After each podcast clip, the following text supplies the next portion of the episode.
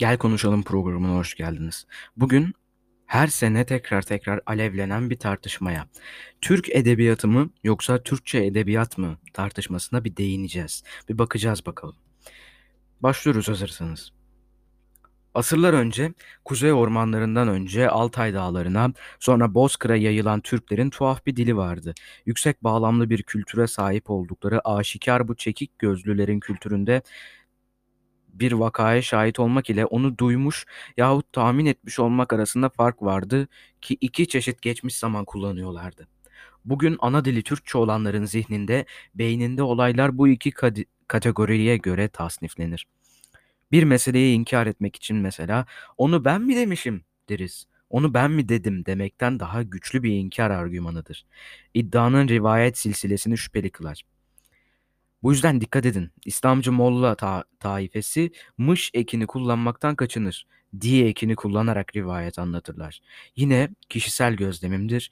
Çerkes, Hemşin ve Rum kökenli olup birkaç nesildir Türkçe konuşsalar da tecrit içinde yaşayan toplulukların mensuplarının mış ekini çok az kullandıklarını fark ettim.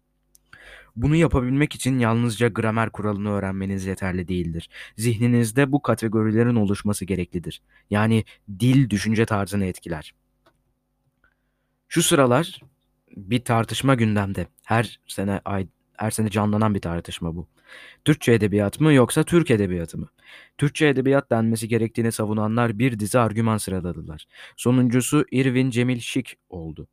Şunun altını çizmek isterim. Türkçe edebiyat denmesi gerektiğini savunanlar her ne kadar ırkçılık, milliyetçilik, dışlayıcılıktan kaçındıklarını söyleyip dik alasını yapsalar da karşı argümanlar zayıf. Vatandaşlık bağı vesaire üzerinden birkaç argüman gördüm ancak bu yeterli değil. Bu meseleyi bütün yönleriyle ele almak gerekiyor. Farklı etnik yahut milli kökenlerin hakim yahut popüler milletin dilini kullandığı durumları incelemekle başlayalım. Birinci vaka, göçler ve fetihler çağı, çağında Fatih milletin dilinin yaygınlaşmasıdır. Lehçeler ve Latince başta olmak üzere bazı dillere ma- dair malumat kırıntıları dışında teferruatı ile bildiğim tek yabancı dil olan İngilizcenin tarihinden örnek verecek olursak, Keltik bir dilin ve lehçelerinin hakim olduğu Britanya'da Fatihlerin izini dil üzerinden sürmek mümkün olmanın yanında ilginç ve eğlencelidir. Evvela Keltçenin modern İngilizce'de bir substratum dil olarak tesir sahibi olduğuna dair iddialar ve deliller var.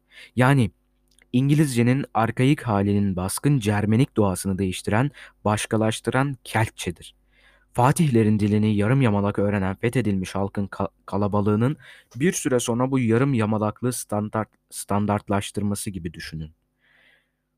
Keltleri fetheden Cermenik Anglo-Saksonları takiben Viking, Viking istilası da özellikle yer isimlerinde ve Kuzey İngiliz ağızlarında izler bırakır. İngiltere haritasına bakan biri Vikinglerin hakimiyet kurduğu yerlerle Anglo-Sakson bağımsızlığını muhafaza eden yerleri, hatta çok uzun süre Keltik kimliğini muhafaza eden yerleri yer isimlerine bakarak ayırabilir. Sonra, sonraları gelen Normanlar bir tür Fransızca konuştukları için dilde yine izler bırakırlar. Normanlar egemen sınıf olduklarından dananın adı İngilizcedir. Dana etinin adı Normanca. Zira danayı İngiliz güder, etini Norman yer. İkinci vaka, bugünlerde bazı Türk yazarların da yaptığı gibi popüler yahut geçer akçe olan dilin öykünme ya da zaruret nedeniyle kullanılmış, kullanılması. Yani Ortaçağ Avrupa'sında bir edip bir şeyler yazacaksa bunu Latince yazacaktır. 11. yüzyılda yaşamış bir Oğuz ise ya Hakaniye lehçesinde yani modern Uygurcanın atasında ya da Arapça yazacaktır. Üçüncü vaka modern kolonicilik dönemi. Bu yarışta geri kalmış toplulukları kolonileri altında tahakküm altına alan milletler zorla ya da doğal olarak dillerini buralarda konuşulur kıldılar. Bu farklı neticeler verdi. Latin Amerika'da mesela dil İspanyolcadan farklılaştı. Ancak gördüğüm kadarıyla en meşhur Latin Amerikalı edipler modern İspanyolca ile sorunsuz anlaşılacak eserler kaleme alıyorlar ve ayrı kimlikler doğdu. Ruslar tarafından kolonize edilen Asya'da mesela Aytmatov bu yüzden eserlerini Rusça kaleme aldı. Ancak bu topluluklarda dil resmi dilden çoğu zaman ayrılır. Arslanbek Sultan Bekov'un 2000'li yıllarda yazdığı Moy Karavan isimli Rusça şarkıda mesela standart Rusça tonlamalar yerine hece ölçüsüne uygun hissi veren Nogay usulü bir tonlama vardır. Şimdi bu vakaları tek tek sınayalım.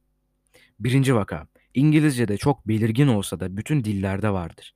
Norman kökenli sözcüklerle yazılmış bir diziyi gördüğümüzde mesela bu kelimelerin menşei Normanca diye Norman edebiyatı diyemeyiz. Bu yüzden Osmanlıca da Türkçedir. Osmanlı Türkçesidir, saray Türkçesidir, bir dönemin yazışma Türkçesidir. Yahut İngiliz diye bir şey yoktur demek de yanlış olur. Bütün diller en iptidai dönemlerinden itibaren böyle etkileşimlere girerler. Demek İngiltere'de yaşayan ve dilinin tarihi sürecinin ürünlerini ayırt etmeden kullanan bir İngiliz bu dille bir şeyler yazdığında bu İngiliz edebiyatıdır. Bu konuda herkes en fikir olacaktır sanırım. Çok az dilin yazı dili kaidelerinin oturmuş olduğu çağlarda zaruret insanları farklı dillerde yazmaya sevk etmiştir. Az önceki örneklerden hareketle mesela Oğuz, Oğuz lehçesinin yazı dili oluşmamıştır. Neyi nasıl yazacağınız belli değildir. Dönemin yazı Türkçesi Çağatay lehçesi olduğundan bu dille yazılıp çizilir. Yine söz gelimi Macarca yazı dili çok sonraları oluştuğundan Macar kralları Latince fermanlar çıkarırlardı. Bu döneme ne diyeceğiz?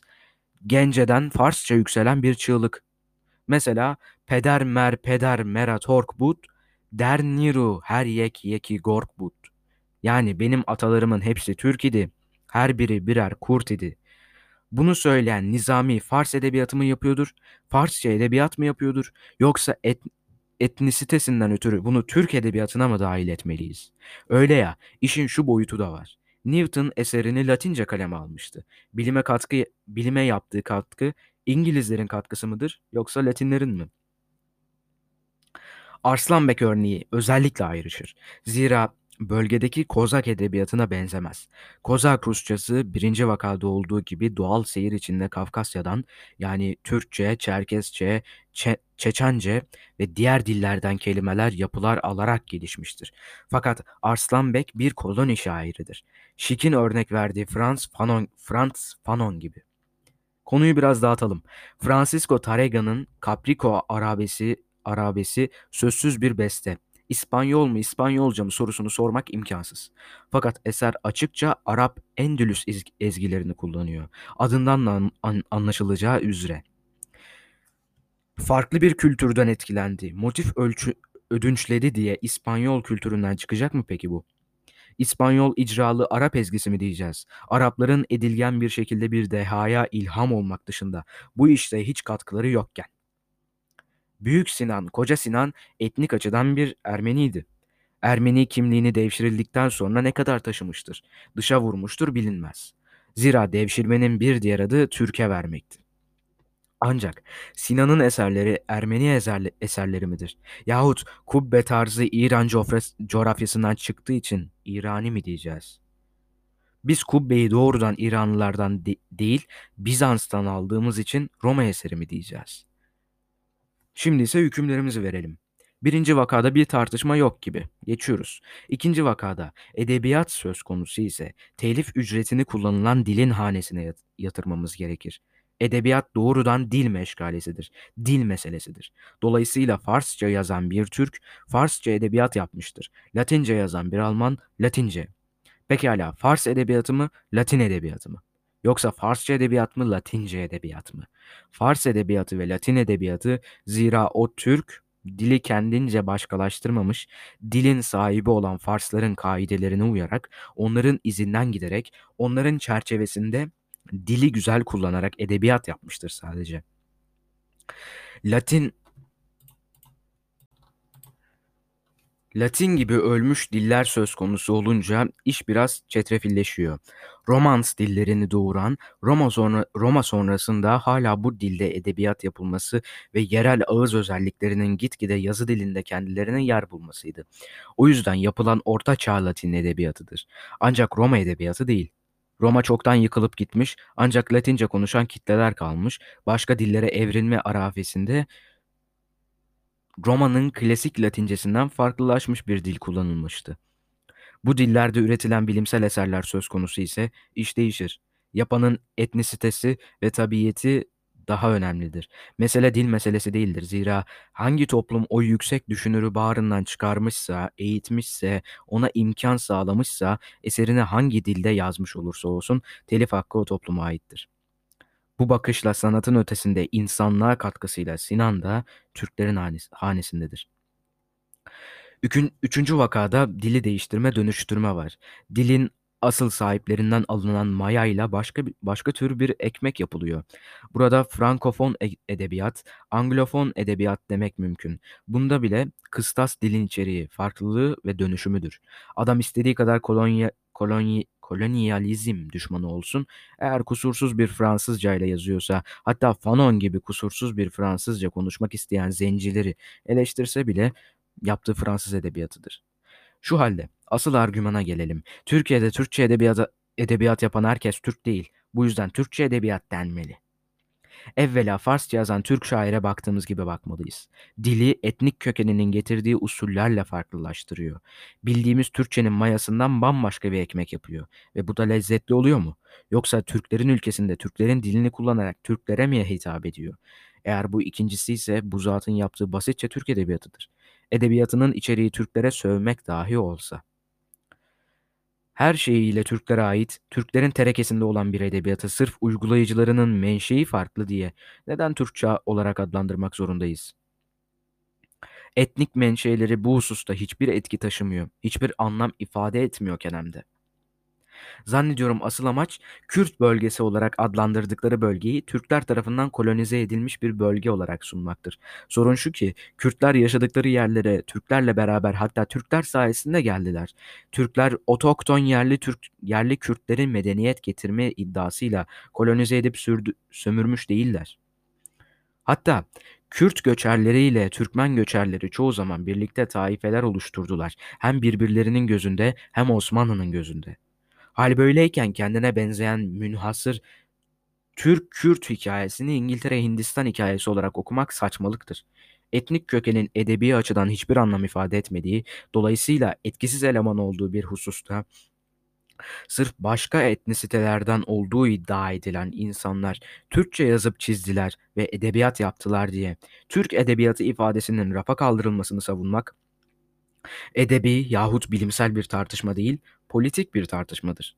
Ha bundan rahatsız olan zatların benim yaptığım edebiyat Türkçe edebiyattır, Türk edebiyatı değildir demesine itirazım yok. Zira her edibin kendi tarzını, konumunu tespit ve ilan etme hakkı vardır. Ancak kendisinden öte kamusal bir boyutta böyle bir taleple gelmek için politik olmayan bilimsel ve mantık çerçevesinde argümanlarla gelmesi gerekir ırkçılıktan kaçınacağım diyerek sürekli etnik tansiyon yaratmaya çalışan anlayış da ayrıca şayanı dikkattir. Bu yazıyı bizlerle paylaşan Bahadıran Dinç Aslan'a teşekkür ediyoruz. Ee, yazının metin halini de açıklamalar bölümüne koyacağım. Beğendiğim bir yazıydı. Ula farklı kitlelere ulaştırmak istediğim bir yazıydı. Umarım sizlerin de hoşuna gitmiştir. Siteye girip bir bakarsanız hem siteye bir desteğimiz bulunsun hem de yazara bir desteğimiz bulunsun. Bahadıran Dinç Aslan'a da buradan saygılar sevgiler. Hepinize saygılar sevgiler. Görüşmek üzere. Hoşçakalın.